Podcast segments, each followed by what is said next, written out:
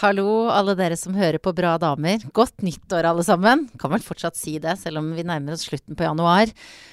Dere skal snart få lov å høre sesongens eh, første Bra damer-intervju. Det gjorde jeg nylig på konferansen Medietrender. Og det er eh, fjorårets eh, mest omtalte næringslivsleder, Berit Svendsen, jeg prater med. Som altså kom fra Telenor, for hun har vært i 30 år. Og så er hun nå i VIPS. Og vi ler veldig mye, og hun gir inspirerende råd. Og ja, du skal få høre praten snart, men jeg hadde bare lyst å si hei først, og velkommen tilbake. Og tusen takk. Fordi jeg er så glad for alle de tilbakemeldingene jeg får fra dere som uh, lytter på denne podkasten. For det er jo sånn at selv om noen som tar kontakt uh, med meg, skriver sånn 'Dere i Bra damer', eller 'Hva tenker dere?' Uh, men det er ikke sånn at det, det er ikke noe dere. Riktignok så får jeg hjelp til sånn spons og litt tekniske ting fra to kjempeflinke gutter som heter Edvard og Kristoffer her hos Monster, som er et produksjonsselskap. Men Bra damer, det er liksom meg. Jeg gjør dette her aleine. Men det føles ikke sånn, da. Fordi at dere kommer bort til meg eh, på toget, på gata, på pianoavslutning til datteren min, eh, i yogagarderoben, på Instagram, på Facebook. Og så sier dere at dere liker podkasten min, og at jeg må fortsette å lage den. Og det er altså så eh, deilig og inspirerende, for det er jo sånn at jeg, som dere, innimellom tenker Hva er dette her? Er dette her bra nok? Hva er det? Er jeg flink nok til dette her? Er det noen som syns det jeg gjør er bra? Altså Man mister litt sånn selvtillit. I hvert fall kan jeg gjøre det. Og det er kanskje ekstra sårbart når man holder på med noe helt aleine. Men jeg vil også si tusen takk til dere fordi at dere får meg til å føle at jeg ikke er aleine. At det er dere og jeg, som sammen er Bra damer-redaksjonen. Og ikke minst så har det jo masse å si. Og hele greia er jo disse flotte damene som jeg får med meg inn i studio, da. Og det er jeg evig takknemlig for, alle de som eh, stiller opp og sier ja og bjuder på.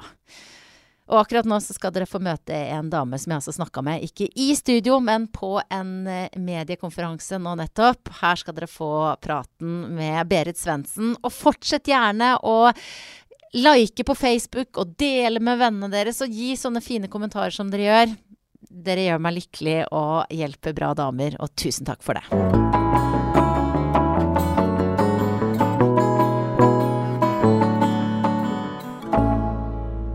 Podkasten Bra damer har tatt det store skrittet ut av det mørke, lille studio og inn på eh, konferansen Medietrender 2019.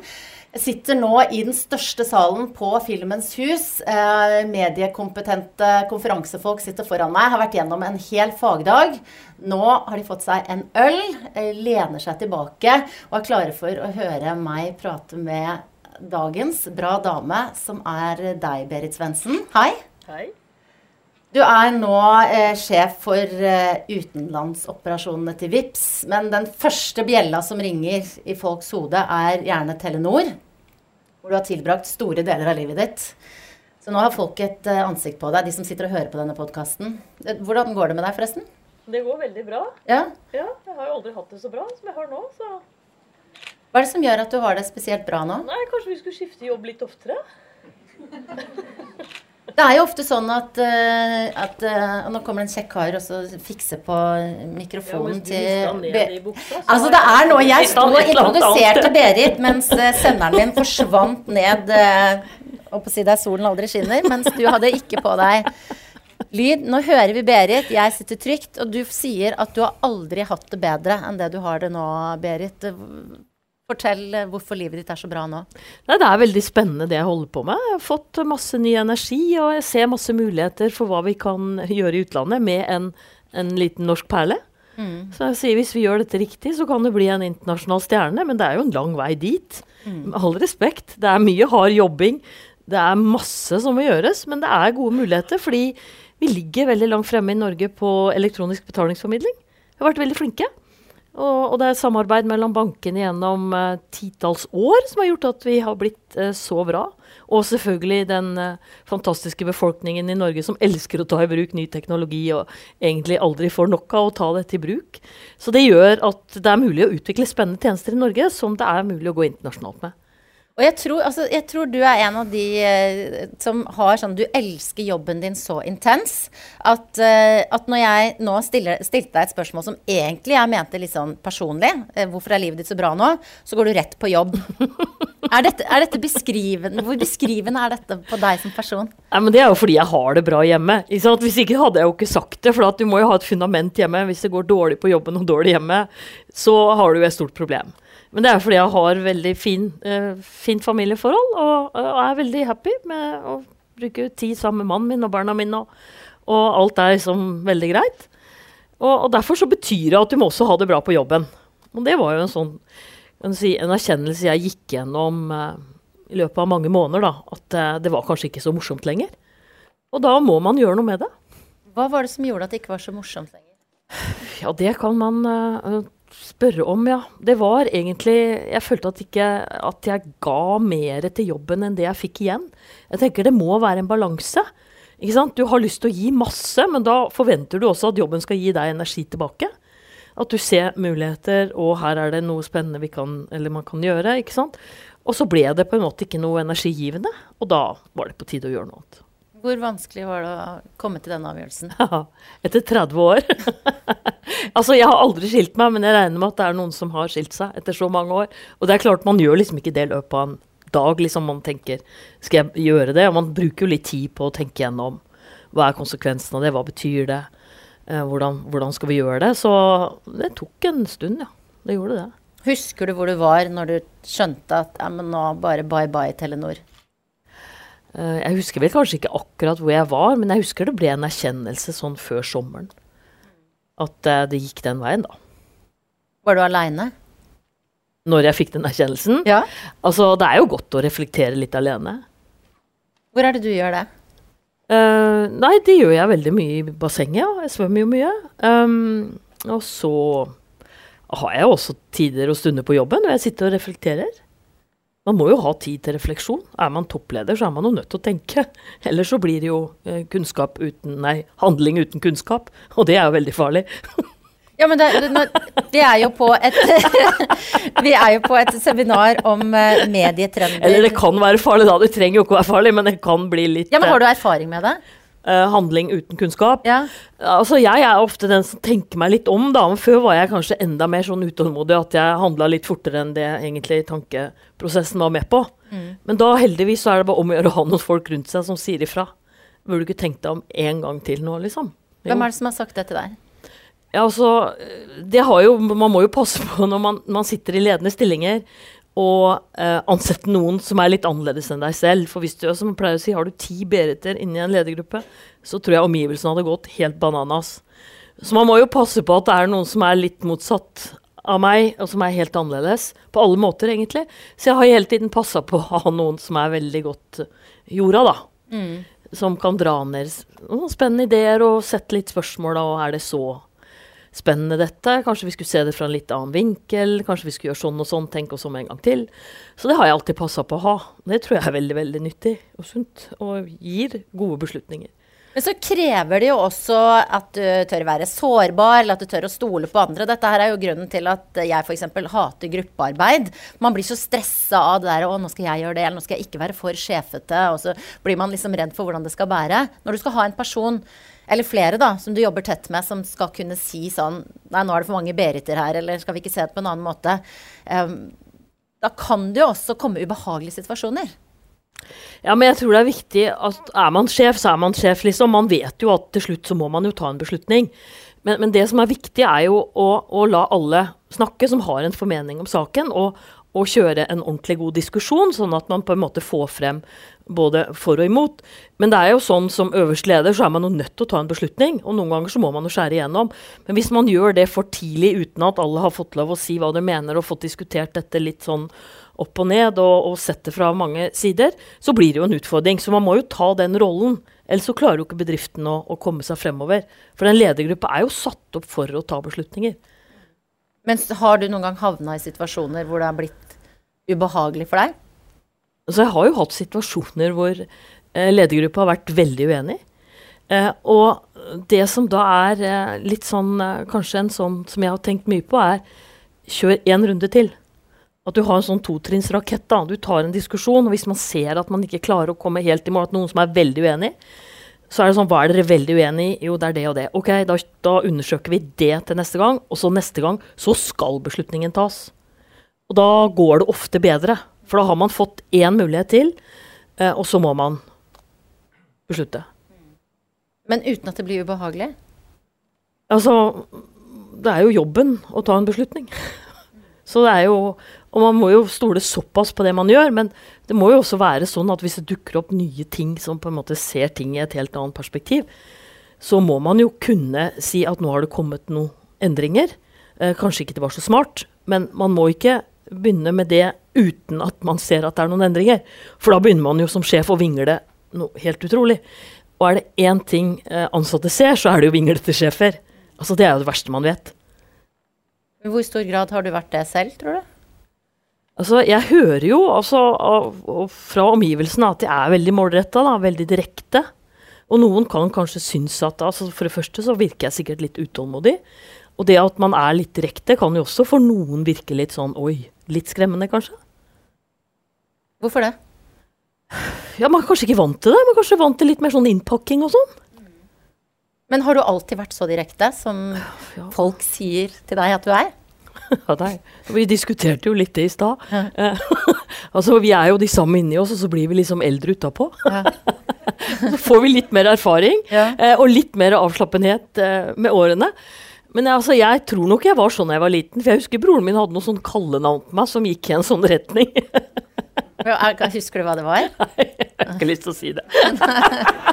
altså, Min svigerinne hun bare går og venter på at jeg skal si hva broren min kalte meg da jeg var liten, og hun hører på alle podkastene. Så hun har sittet nå igjennom, ikke sant, for du har fått gjennomgå og blitt kalt frøken Villike og gud vet hva, og venta på at, uh, at, det gamle kallenavnet skal komme frem? Men det gjør ikke det? Nei. Nei. Men dette her oppfatter jeg også som typisk deg. da, så Det er første gang jeg treffer deg nå i dag. Men, men som de fleste som sitter her og som hører på denne podkasten, så, så, har jeg en oppfatning av deg. ikke sant? For du har vært overalt, i hvert fall nå siste halvåret. Eh, og det er jo, til tross for at du har stått i en, eh, en, storm, som man jo kan kalle det, så smiler du veldig mye og ler den latteren som du nettopp hadde nå. Eh, hvor kommer det fra, det humøret der? Ja, det tror jeg har arva. Jeg, hør, jeg, hørte Min bestemor hun døde altfor tidlig, men jeg hører at hun lo veldig mye, så jeg tror bare jeg har fått det på en måte med, med i dåpsgaven. da. Mm. Og det har jeg jo tenkt på etterpå. altså Noen syns jeg ler for mye.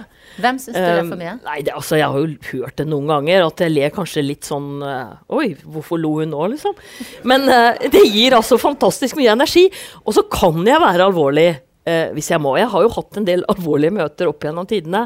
Eh, og jeg passa jo liksom på noen ganger, så vi var jo mange damer eh, min, hos min tidligere arbeidsgiver etter hvert. Vi ansatte jo mange veldig dyktige damer. Og det var noen ganger vi hadde besøk fra myndighetene, veldig alvorlige herremenn. Og da tok vi med to-tre damer og satt på én side av bordet, og så kom disse herremennene på den andre. Og da, da, er det jo litt sånn at noen av dem har for trange skjorter, og, og noen sliter litt med andre ting. Og vi satt jo der, vi damene, og vi, vi, hold, vi, måtte jo holde Vi holdt jo veldig maska og veldig fikk til en veldig alvorlig, eh, fin dialog. Men når liksom møtet var over, da måtte vi le. men, men hvilket, hvor gikk dere da? På do, eller? Nei, da, da, sier vi ha det. Kjempefint møte. Vi skriver referat og var enige om hvordan vi skulle gå videre. Og så går um, mennene, da. Og så ler vi litt. Hva er det som gjør, er det som gjør at det der er, er, liksom, er sånn, at det er et sånn kvinnefellesskap rundt den latteren, tror du? Var det tilfeldig, dette, eller er det noe med, med damer eh, og humor? Nei, altså jeg får også menn. Altså, jeg ler med menn. Ja. Og menn ler av meg, så vi, vi ler sammen. Ja. Hva er det som får deg, Allen, bortsett fra disse gutta i trange skjorter, hva er det som får deg til å le, Berit? Nei, det er jo mye humor, da. En slags komiske situasjoner. Også ting jeg er oppi sjøl. Jeg kan le av meg sjøl. Altså, men det er jo ikke alltid det passer, da. ikke sant? Du, du kunne jo le i stad når du fikk den nedi buksa og sånn. Ja, ja. men altså, det er jo ikke alltid det passer. Hvis jeg står liksom på en scene, og det er 500 i salen, og den sklir ned i buksa, Ja. så kan jeg liksom ikke stå og holde på å le meg i hjel og si 'oi, der datt den ned i buksa'. Men når jeg kommer hjem, så kan jeg le veldig av den type situasjoner. Eh, jeg ler ordentlig. Jeg tenker, hvordan, hvordan, Hva var det som skjedde, egentlig? Men jeg tenker jo det å være en eh, såpass mektig eh, leder som du er, og som har vært gjennom store, store deler av din eh, karriere, det handler jo om at man kanskje må oppføre seg på en spesiell måte. Altså, du må ikke le til upassende tider. Hvilke andre ting er det du har måttet på en måte Som du må tenke ekstra på når du er liksom sjef med stor S? Altså for når jeg ble, liksom, fikk en, en ganske stor sjefsstilling eh, for eh, 19 år siden, så fikk jo jeg beskjed om å gå med skjørt ned på knea, eh, binde opp håret og gå i drakter. Og det var jo eh, det var jo ganske krevende. For jeg følte meg eller jeg ble pakka inn i en sånn derre eh, uniform. Så jeg tenkte dette er jo ikke meg. Så jeg gikk der, da, i den uniformen en del år. Eh, og sikkert en seks-sju år, kanskje, helt til jeg fant ut at nei, men dette gidder jeg jo ikke mer. Og etter det så har jeg jo ikke knapt gått i drakt og dressjakke. Og i Vipps er de litt sånn allergisk mot uh, drakter og dresser, fordi det er veldig sånn banks, da. Det er sånn oh, ja. man går i banken. Og det skal ikke Vips gjøre, så da, da tenker jeg nå passer jeg i hvert fall veldig godt inn. Ja. I dag har du på deg, for de som hører dette, en svart genser med røde lyn og røde hjerter. Eh, er dette, hvordan passer dette inn i VIPS? Det går veldig fint. Ja. Men er, det, er dette, en, er dette en, en, en stil som du har liksom tenkt passer inn i VIPS, eller er dette deg? Nei, dette er meg. Det er masse farver. Jeg elsker farver. Hvorfor det? Jeg syns det er morsomt. Og, altså, hvis man har jobba i næringslivet sånn som jeg i så mange år, og sett så mye dresser, uniformer og slips og liksom ensarting Jeg klapper nesten ja, når det kommer noen annen som er litt mer kult kledd. Det blir jo så kjedelig. Ja, nå snakker vi om klær, eh, men når du sier ensarting og mye dresser, eh, den rollen som du har hatt eh, som kvinne, som etter hvert eh, heldigvis flere kvinner i roller som du har, eh, men hvordan har du opplevd, eh, opplevd det? Nei, det er klart at eh, Hvis jeg tenker tilbake, så, så var det jo noen vanskelige år hvor jeg har sittet mye alene som dame i, i ledergrupper. Det er klart det er krevende. Altså, det hjelper ikke med én eller to. Man er utenfor. Man er utenfor dialoger, man er utenfor diskusjoner, man er utenfor uh, turer hvis det er noe som blir arrangert. Så man er liksom litt sånn på siden. Så man må være 30-40-50 en ledergruppe, da begynner du å få en god, fin balanse. Jeg tror det er, altså All innsikt og forskning viser at mangfold skaper bedre resultater. Og det som også er viktig å være klar over, hvis man leverer tjenester til hele befolkningen, så kan du da ikke ha en ledergruppe bestående av bare menn eller bare damer. Altså, Apple lanserte jo en helseapp for noen år siden, og de hadde glemt å ta damer med i testen. De hadde glemt menstruasjonssyklusen til damer, så med en gang damer begynte å bruke den helseappen, så gikk det jo helt bananas. Altså, Man må jo tenke helhet, og at befolkningen er kundene. Og befolkningen er sammensatt av alt. Det er et mangfold. Kvinner og menn. Det er eh, innvandrere. Det er alt. Og det må man ta hensyn til. Hvis du skal tenke på den mangfold, eh, det mangfoldidealet, eh, hvor ligger din gamle arbeidsgiver i landet der, syns du? Ja, Det tenker jeg andre skal få svaret på. Ja, for du er ganske Jeg har tenkt på det at eh, Som jeg sa, altså, jeg kjenner deg gjennom mediene og vet jo godt hvem du er, og det gjør de fleste i Norge. Eh, og du har blitt omtalt på forskjellige måter, og folk har sine teorier om hva som har skjedd med deg og sånn. Men du har Altså, du, jeg, du har strukket deg til å si at du syns at arbeidsgiverne dine kunne gitt deg litt mer tid til å bestemme seg. Jeg vet ikke om jeg tar feil, men det er kanskje det drøyeste jeg har hørt deg si sånn, for åpen mikrofon i hvert fall, eh, om det som foregikk før du forlot Telenor. Um, hvorfor har du vært så grei? Altså, grei eh, Jeg vil ikke si at jeg har vært grei, men jeg har stor respekt for den bedriften jeg har jobba i 30 år. Det har vært en fantastisk reise. Eh, jeg har hatt eh, verdens beste ansatte. Um, vi har hatt det utrolig bra, hatt en fin reise, og nå er min reise på en måte litt på en annen tur. Mm. Og ja, sånn er det. Og jeg har jo egentlig bestemt meg også at jeg er litt ferdig snakka om den uh, Ja. eh, avskjeden. Um, jeg hadde kommet én ting til, og det er 8. 8. mars. Da kommer det noe. Men uh, if, nå er jeg på noe helt nytt og spennende som eh, jeg syns er morsomt. Hva, hva er det som kommer 8. mars? Eh, da er det kvinnedagen. Ja. Det gleder jeg meg til, uh, Berit. Og jeg har respekt for at du er uh, ferdig snakka uh, om Telenor-gutta, eh, hvis, hvis vi kan si det sånn. Jeg bare lurer på én ting til, og det er hvordan har du opplevd den prosessen som har vært? At du har vært så synlig og har vært så omtalt, samtidig som du har vært, mine ord, da, så grei, eller ikke strukket, ikke sagt noe stygt eller noe hardt. Hvordan har du opplevd det? Hvor stor grad har du måttet sitte på hendene dine når du har sett på Dagsrevyen? Nei, altså det som Kanskje Det, det, var, det er et par ting. Det ene er jo eh, fra en dag til en annen. Jeg hadde jo verdens beste kommunikasjonseksperter. Jeg hadde jo hjelp til alt. ikke sant? Jeg visste jo knapt hvor jeg skulle på neste møte, for alt var jo lina opp. Det sto alltid noen og venta på meg og, og tok meg videre. ikke sant? Det, det var jo sånn tempo i hverdagen at man hadde ikke kontroll over sin egen kalender noen ganger omtrent. ikke sant? Eh, og ha disse fantastiske kommunikasjonsfolkene rundt seg. Så uansett hvilke problemstillinger som kom opp, så hadde jo vi forberedt veldig, syns jeg, gode budskap. Uh, så det var på en måte mm, min jobb å fremføre det med stor overbevisning, og jeg trodde jo på, veldig på det bedriften. Jeg, alt det bedriften står for. Så jeg, jeg syns på en måte det var en veldig fin jobb å stå og, og fremme bedriften i mediene. Men fra en dag til en annen da, så sto jeg helt alene. Og det var jo litt av et sjokk. ikke sant? Nå visste jeg at nå må jeg klare meg selv. Og jeg visste jo den, den morgenen at liksom der kom liksom hundrevis av telefoner, tekstmeldinger. Det kom i alle medier. altså På Twitter, det kom på Instagram. Det kom all over the place. Og da var det én kjempebra journalist som jeg har stor respekt for, som sa altså Berit, hadde jeg vært din kommunikasjonsrådgiver i dag, så hadde jeg bedt deg holde munn, ikke si noe, men det er jeg ikke, så jeg ber om en uttalelse.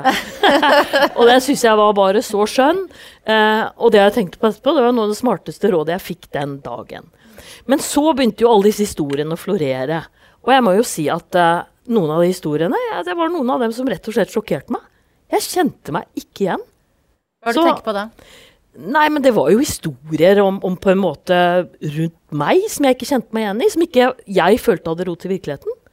Og, og tilbake til det, altså. Jeg har en, en oppfordring til avisene. Dere må sjekke eh, kildene. Dere må sjekke kildene rundt personen.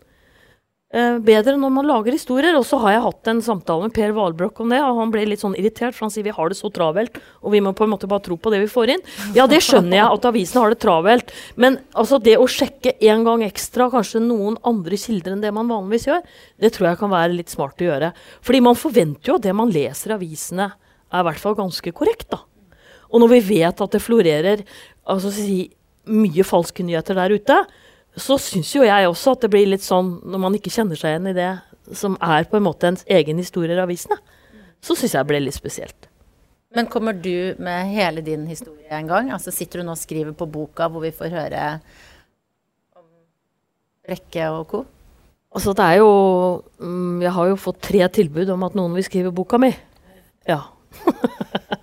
Men du vil skrive den sjøl, eller? Nei, jeg har skrevet ned mye, eh, men det er jo litt mest om den industri, fantastiske industriutviklingen jeg var igjennom. Um, og så har jeg jo ikke begynt å tenke på at jeg skal lage en bok nå. Liksom. Nei. Nei. Du har hatt andre ting å gjøre. Ja. Jeg har det. Og, og vi var jo inne på litt grann i stad dette her med tid til refleksjon. Eh, og på den mediekonferansen som vi nå er, så var glimrende foredrag rett før vi gikk på, som handla om digital detox. Eh, hvor mye driver du med det? Sånn å liksom koble helt ut og være online? Ja, altså For det første så tar jeg ikke telefonen med meg på soverommet. Ikke i det hele tatt. Nei, jeg gjør ikke det. Den ligger nede. Og, og mannen min er litt sånn, så han skrur også av strømmen om natta, for han er redd for eh, at liksom dette skal ta fyr og sånn. Vi har jo smarthus, og han ordner alt det med det der hjemme. Det er veldig, veldig kjekt. Eh, så telefonen ligger ikke på soverommet. Eh, jeg vil ikke ha han der heller. Hans ligger der. Men han er litt mer sånn på enn meg. Det er i hvert fall det barna sier. Det syns jeg er veldig bra. at, at jeg ikke er så på.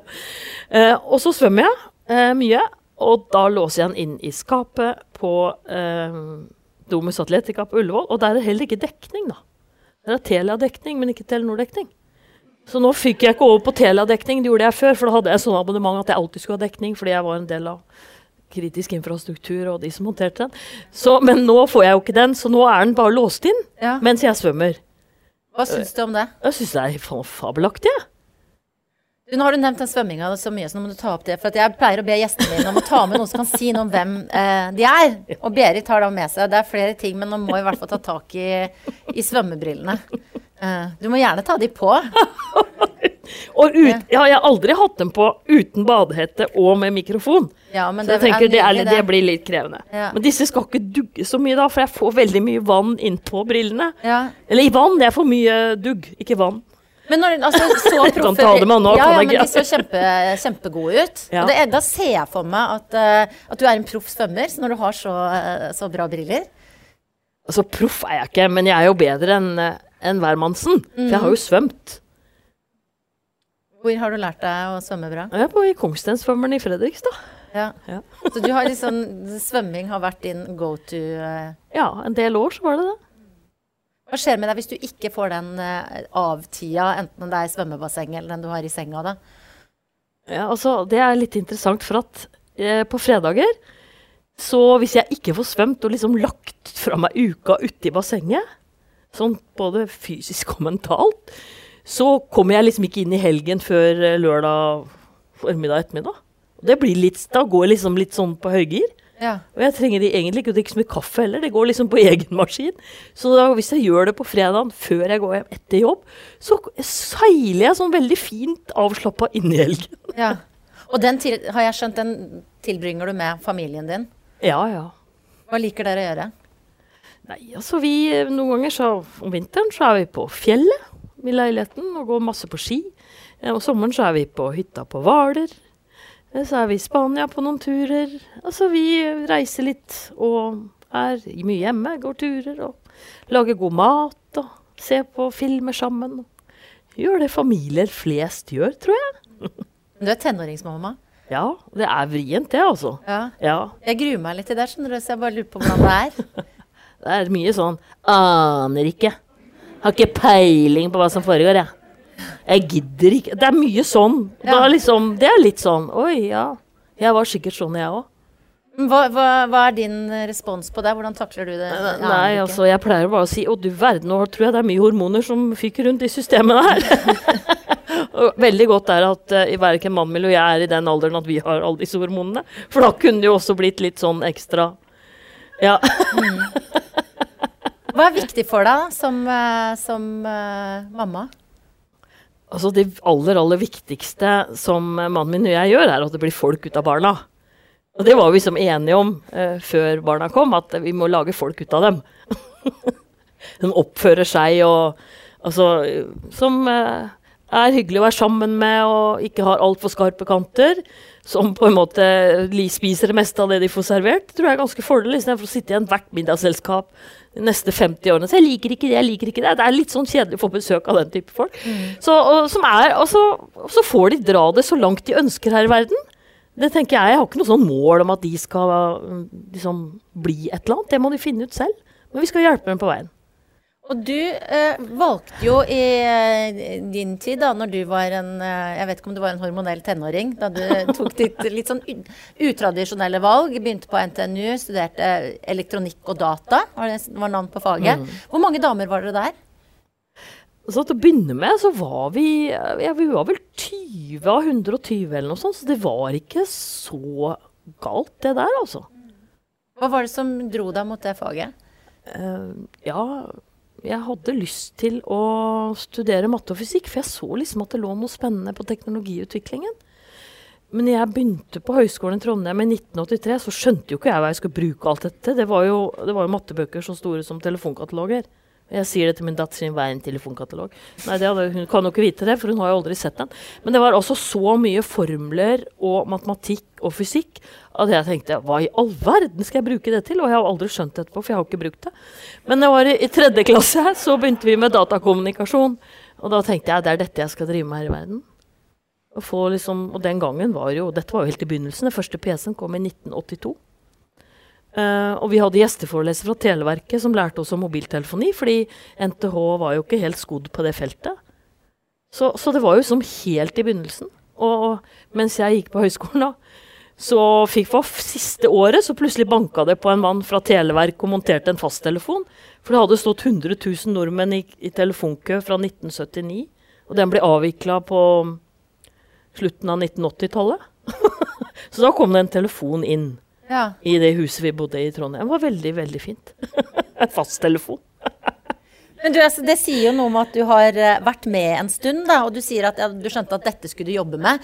Men altså, da var du vel rimelig sånn forut for din tid? Det var ikke, lå ikke ikke, eller?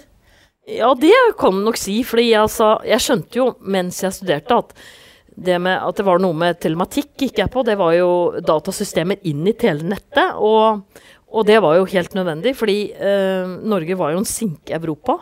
Det, televerket var en del av staten og fikk ikke penger over statsbudsjettet for å investere.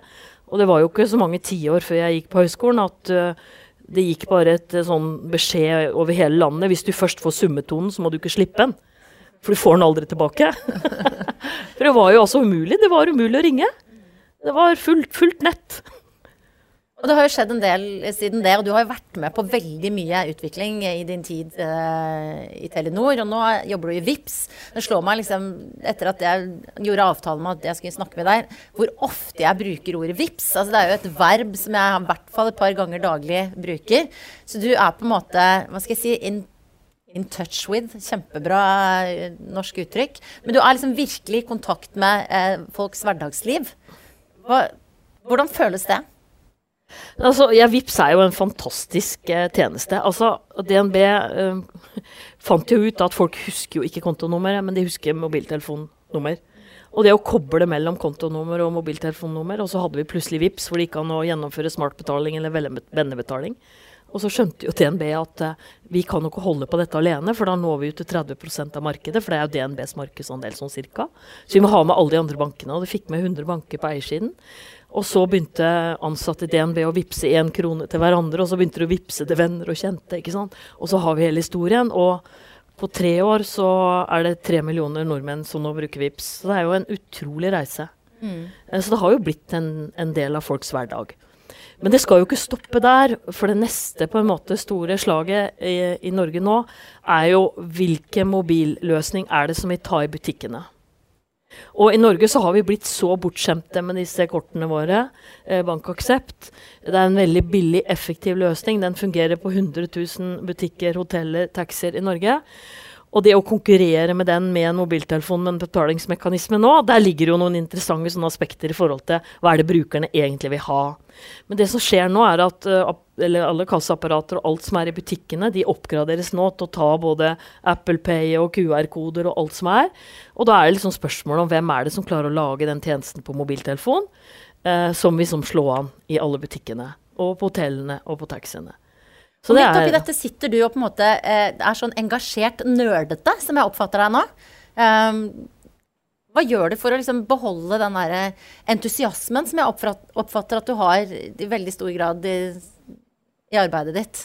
Jeg er veldig nysgjerrig. Jeg synes Det er veldig interessant når det kommer nye teknologier. Hva får det til å ta av, hva får det ikke til å ta av? Um, hva skjedde, hva kan vi lære av det? Jeg synes det er fascinerende med teknologiutvikling.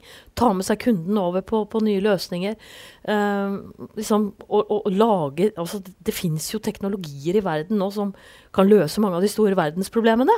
Det er jo ikke nok fisk i havet til å mette jordas befolkning, så vi må drive med oppdrett. Uh, og, og, hvem er det som kan gjøre det bedre enn Norge? Men da må vi ha god nok teknologi som gjør at på en måte ikke du forurenser hele havet når du driver med oppdrett.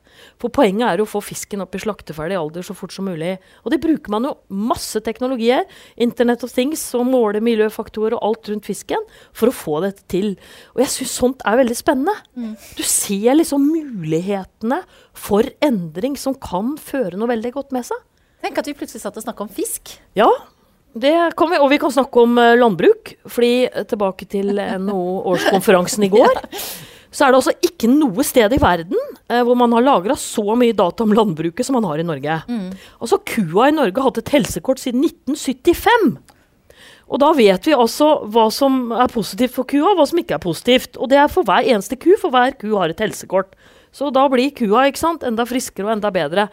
Og eh, norsk, eh, eller sæd fra norsk eh, rødfe den eksporteres til 30 land. Og han har liksom historien på hvert eneste av, den, de som donerer sæden sin. da, På hva, hva slags sæd er det man får. Ja. Og dette går jo all, over hele verden. Fordi vi har all denne kunnskapen. Og det er jo, det, jeg syns det er helt fantastisk. Og igjen så sier det hvordan vi kan bruke teknologien. For dette er jo tingenes internett, og det er analyse av store datamengder. Så vi er gode. Og jeg vet at du bruker, uh, bruker teknologien aktivt uh, når du ikke er på jobb også. Du, den andre tingen du har med, er det er en app på telefonen din, er det ikke det? Jo. Ja. Den har ikke noe med storfe Nei, nei, den har ikke noe med landbruk å gjøre. jeg tror ikke den passer i dyreverden. Men uh, den er, det er en app på telefonen som heter Seven. Og i fjor, uh, nyttårsforsett i fjor, da ikke i 2017, nei, 2018, men 2017, det var at uh, jeg skulle begynne å trene med den appen. Og den heter Seven. Det tar syv minutter. Og så har jeg utvida den litt, for jeg må holde på litt lenger med hver øvelse. Så nå tar den 8 minutter og 53 sekunder. Og i fjor så trente jeg Eller jeg har klart å trene 320 ganger i fjor. Så jeg har nesten gjort det hver eneste dag. Og det er jo liksom I år så skal jeg klare å gjøre det hver dag. Nesten, da. Og dette her gjør du eh, ikke alene. Nei, altså mannen min og jeg står opp om morgenen, og det er første han spør om skal vi trene, så sa jeg selvfølgelig skal vi trene. Og så går han og jeg ned, og så trener vi eh, 8 minutter og 53 sekunder sammen. Og da er Og det, er, det piper og forteller hva vi skal gjøre hele tiden. Hva slags øvelser er det? Ja, det er eh, Det er jo eh, pushups, eh, situps, det er fallout, eh, det er eh, å løpe med, med knea høyt på ett sted, det er triceps, ikke sant? Det er tolv øvelser. Etter det så er du Altså, jeg føler meg så frisk når jeg kommer på jobben. Og det er et fantastisk fint eh, morgenritual å ha sammen med sin kjære. da, Å starte dagen. Står dere i pysjen og litt sånn fortsatt morgenbustete på håret? Og... Ja ja, bustete, men ikke pysj. Vi må ha på oss liksom veldig enkelt treningstøy. Ok. Ja. Ja.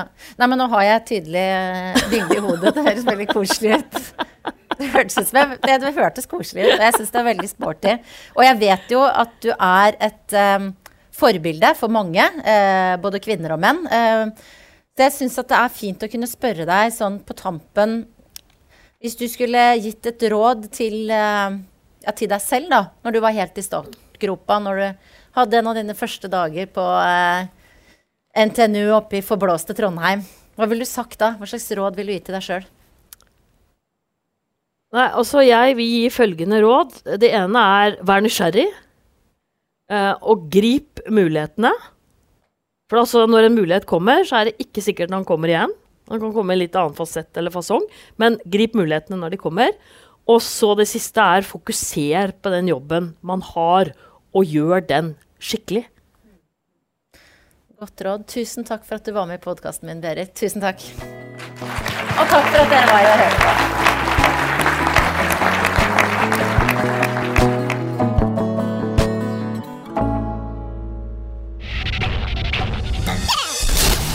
Monster.